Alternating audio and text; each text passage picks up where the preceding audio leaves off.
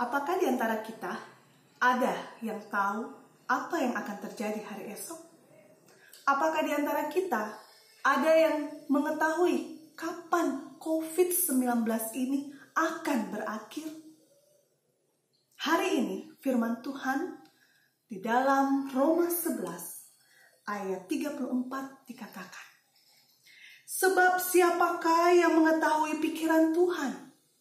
Atau siapakah yang pernah menjadi penasehatnya?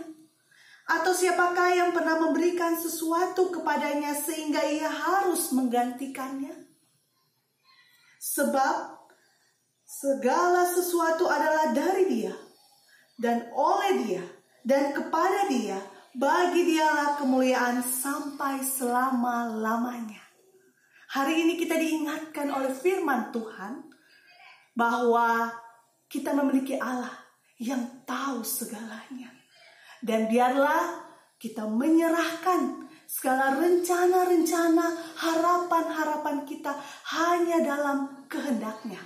Biarlah Allah yang berkuasa dan menyatakan apa yang terbaik di dalam hidup kita. Kita tetap berpengharapan, kita tetap berserah kepada kehendaknya.